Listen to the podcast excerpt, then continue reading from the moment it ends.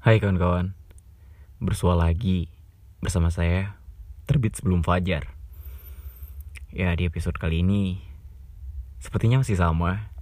Kita akan membahas Rinai. Ya begitulah. Rinai, Rinai, Rinai dan Rinai. Karena Rinai adalah sebuah anugerah dan berkah yang luar biasa dari Tuhan. Jadi, mari mendengarkan. Rinai di penghujung senja. Sore-sore sekali, Rinai mengetuk bumi.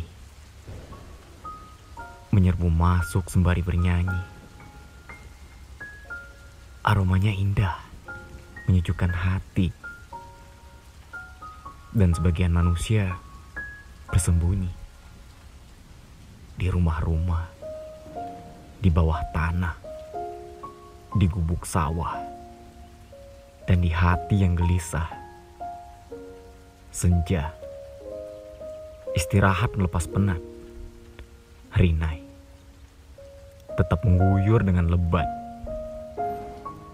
Sore berlangsung singkat, dan malam menjadi pekat. Sesaat usai, yang sembunyi hidup, yang istirahat hidup. Bentala tak jadi redup, karena hidup lebih dari cukup.